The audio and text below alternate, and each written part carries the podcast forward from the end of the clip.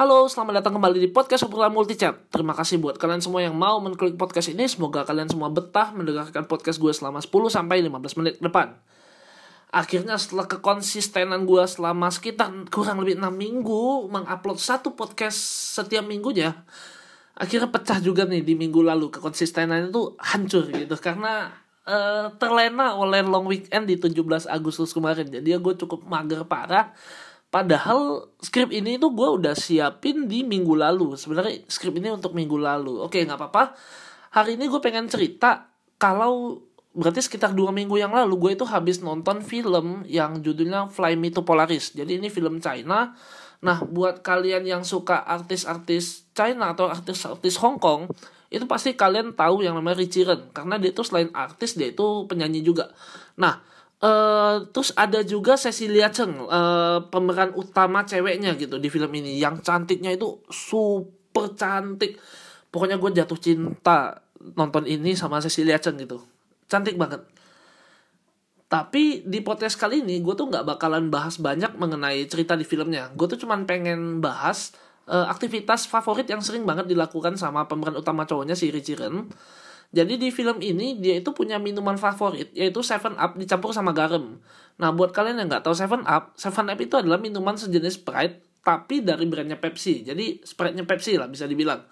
Karena nonton adegan ini nih, gue jadi inget kalau pas dulu gue kecil itu gue sering banget disuruh minum Sprite pakai garam katanya biar hilangin panas dalam.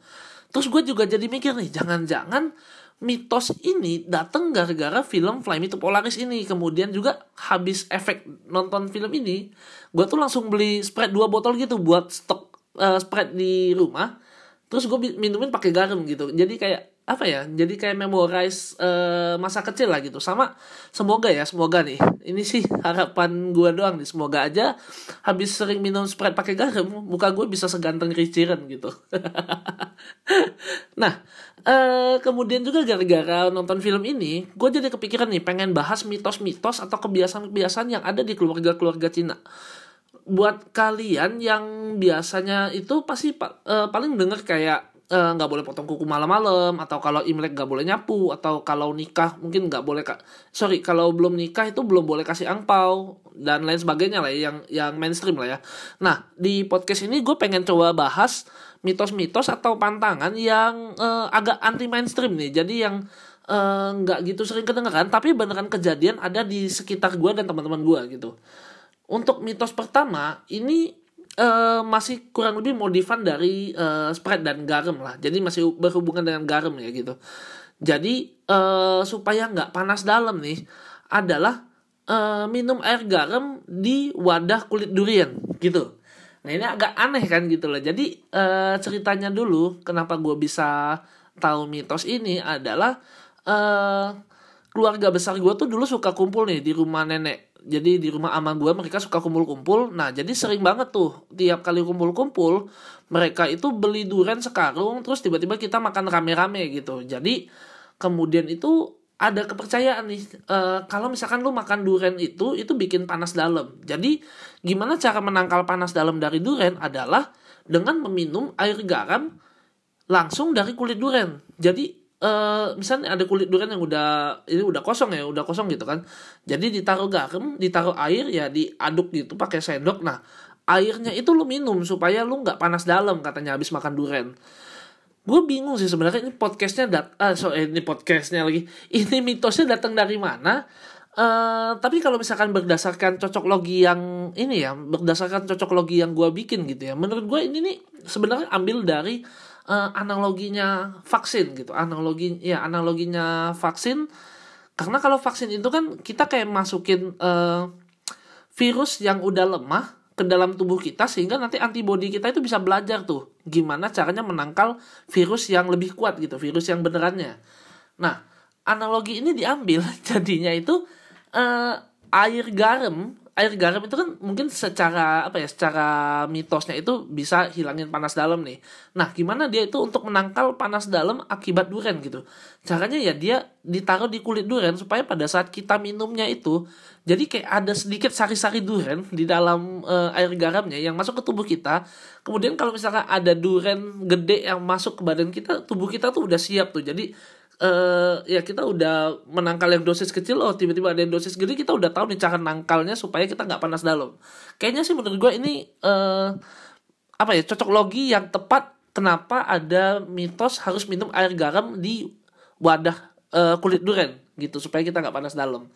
Nah uh, nextnya ini juga masih berhubungan dengan pergaraman ya. Jadi garam ini cukup banyak mitos-mitosnya di uh, keluarga-keluarga Cina tuh. Uh, ternyata ada juga mitos kalau kita itu nggak boleh beli garam malam-malam. Kenapa gitu? Karena garam itu identik dengan orang yang pengen masak gitu. Jadi kalau dulu mungkin zamannya uh, ya zamannya belum ada listrik lah semua pakai lilin gitu kan. Jadinya uh, dapur masih gelap. Terus juga uh, kalau kita masak malam-malam itu kan bisa bahaya bisa kebakaran satu kampung gitu. Makanya ya kita nggak boleh beli eh, nggak uh, boleh beli garam di malam hari gitu pantang katanya. Nah nextnya itu juga ada lagi mitos kalau kita makan ikan ikannya itu nggak boleh dibalik. Nanti kapal nelayannya bisa ikutan kebalik. Jujur ini gue masih nggak nangkep. Ini dari mana asal mitosnya dan gue pun bingung mau bikin cocok loginya gimana berbeda dengan dua mitos sebelumnya itu lebih gampang buat gue cocok login gitu loh.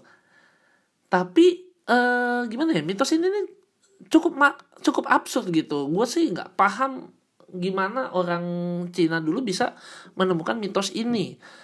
Nah kalaupun semisal ya mis, uh, misalnya mitos ini beneran ada gitu gue yakin semua kapal yang ada di perairan di dunia itu pasti kebalik gitu. Karena seberapa banyak orang yang makan ikan tiap hari dan gimana caranya lu nggak mak apa gimana ya? Gimana caranya lu makan sisi ikan yang belum lu uh, belum lu sentuh kalau nggak lu balik gitu? Jadi kan kalau lu makan sisi ikan misalnya makan sisi ikan pertama habis nah kalau lu mau makan sisi ikan yang kedua itu kan pasti lu balik kan ikannya. Kalau nggak lu balik gimana cara lu makan sisi ikan yang uh, sampingnya gitu loh? Nah uh, oke okay, mungkin kita asumsikan semua orang Cina tahu mengenai mitos ini sehingga mereka nggak balikin ikan tapi gue yakin tetap bakal banyak orang yang nggak tahu yang yang nggak tahu mitos ini dan membalikan uh, ikan tersebut gitu. Dan pasti kapal banyak yang tenggelam lah kalau mitos ini ini beneran ada gitu loh. Nah ini juga uh, kemudian muncul lagi kayak pertanyaan kedua gitu ya. Gimana hukumnya kalau misalkan ikannya itu ditegakin gitu? Kalau misalkan kayak kita makan gurame asam manis di restoran itu kan biasa ikannya udah berdiri berdiri gitu kan disusun berdiri nggak disusun baring sebelah kiri atau sebelah kanan gitu kan. Mereka uh, di, dibikinnya tegak biar kayak cantik gitu. Nah ini apakah berarti kapalnya akan miring tapi nggak jatuh gitu cuman jalannya miring kayak apa ya?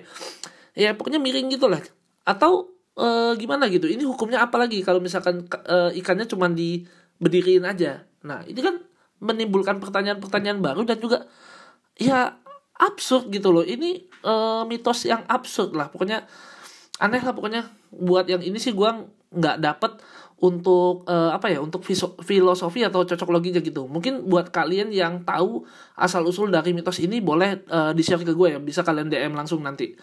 Nah uh, selanjutnya itu ada mitos juga nggak boleh kasih baju buat pacar yang lagi ulang tahun. Pokoknya kita nggak boleh kasih kado berupa baju ke uh, pasangan kita kalau kita belum nikah gitu. Kalau nggak, misalnya kita langgar ya uh, ancaman kita bisa putus katanya gitu. Nah, mitos ini sempat gue percaya nih. Jadi ya udah sih waktu itu pada saat gue pacaran, uh, gue beneran nggak pernah kasih baju ke uh, pacar gue atau ke pasangan gue ya. Toh nggak ada salahnya lah ibaratnya jaga-jaga gitu kan.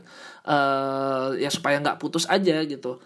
Sampai mungkin someday uh, eh, gue tuh iseng gue iseng coba googling di ya coba googling untuk pencarian ini. Jadi apa aja sih sebenarnya yang nggak boleh dikasih uh, untuk kado ulang tahun gitu.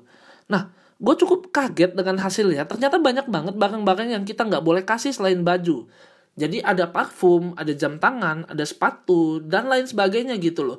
Uh, jadi gue karena ngegoogling ini gue jadi mikir nih, jangan-jangan ini tuh sebenarnya uh, mitos yang dibikin oleh orang Cina karena mungkin orang Cina dulu tuh pelit gitu ya. Jadi dia tuh nggak mau kasih uh, kado ke pasangan yang belum resmi jadi istri dia gitu. Jadi dibikinlah mitos-mitos atau pantangan-pantangan ini untuk mendukung kepelitannya mereka gitu loh jadi ya mungkin kayak supaya lu nggak rugi aja gitu kalau misalkan lu baru pacaran lu udah kasih ini itu ini itu dan lu putus gitu mungkin gitu kali ya untuk ini cocok loginya ya ya ya bisa jadi lah ya Terakhir ada mitos yang sampai sekarang masih banyak banget yang percaya kalau kita itu mau cari pasangan ideal.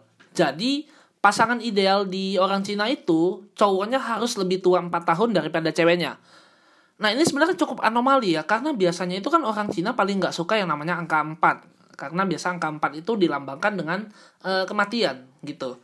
Cuman di sini nggak berlaku karena angka 4 di sini melambangkan 4 kaki kursi. Jadi e, untuk satu kursi itu bisa berdiri dengan kokoh dia itu uh, harus punya empat kaki kursi gitu jadi uh, ya kursinya dilambangkan dengan hubungan atau uh, rumah tangga lah supaya kokoh harus ada empat kaki gitu sih nah kemudian muncul nih mitos lanjutannya. Kalian jangan sampai punya pasangan yang selisih umurnya itu tiga tahun karena katanya nanti salah satunya itu pasti gak bakal bahagia dengan pasangannya. Jadi ini true story beneran kejadian di temen gua.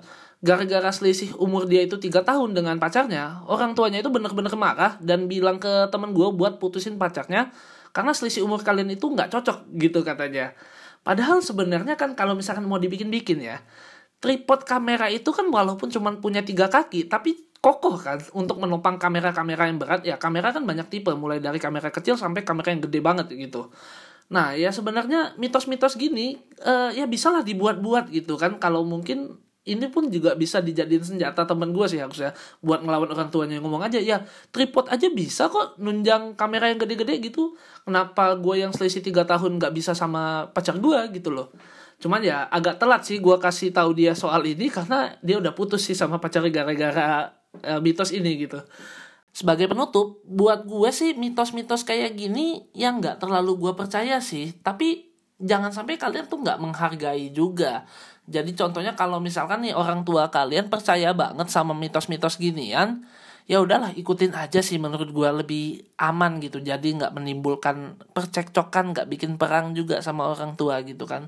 Selama nih mitos itu nggak merugikan hidup kalian. Mungkin contohnya kayak tadi, kalau misalkan dibilang jangan beli garam malam-malam, ya udahlah ikutin aja lah nggak beli garam malam-malam juga nggak bikin kita kenapa-kenapa gitu kan ataupun kita beli garam malam-malam juga nggak bikin kita kenapa-kenapa gitu terus kemudian juga mungkin kayak tadi yang ikannya nggak boleh dibalikin. Ya udah tunggu mereka nggak ada baru kita balikin ikannya buat makan yang di sisi sebelahnya gitu. Tapi mungkin kalau udah sampai uh, menyangkut ke hidup kalian kayak yang tadi uh, kalian harus putus nih kalau misalkan uh, selisih pacarnya tiga tahun atau apa. Nah mungkin di sini kalian bisa melawan atau mungkin bisa mengedukasi gitu ya. Kayak kasih tahu orang tua kalau enggak lah ini, ini cuma mitos gitu banyak kok orang-orang yang nikah dengan sesi umur 3 tahun dan mereka happy-happy aja oke sekian dulu buat podcast gue pada hari ini gue pengen tahu dong mitos-mitos apa sih yang masih ada di keluarga kalian sampai sekarang.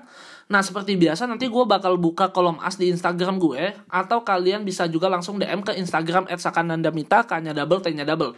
Sekian untuk podcast pada hari ini. Sampai jumpa di podcast obrolan multichat episode selanjutnya. Bye.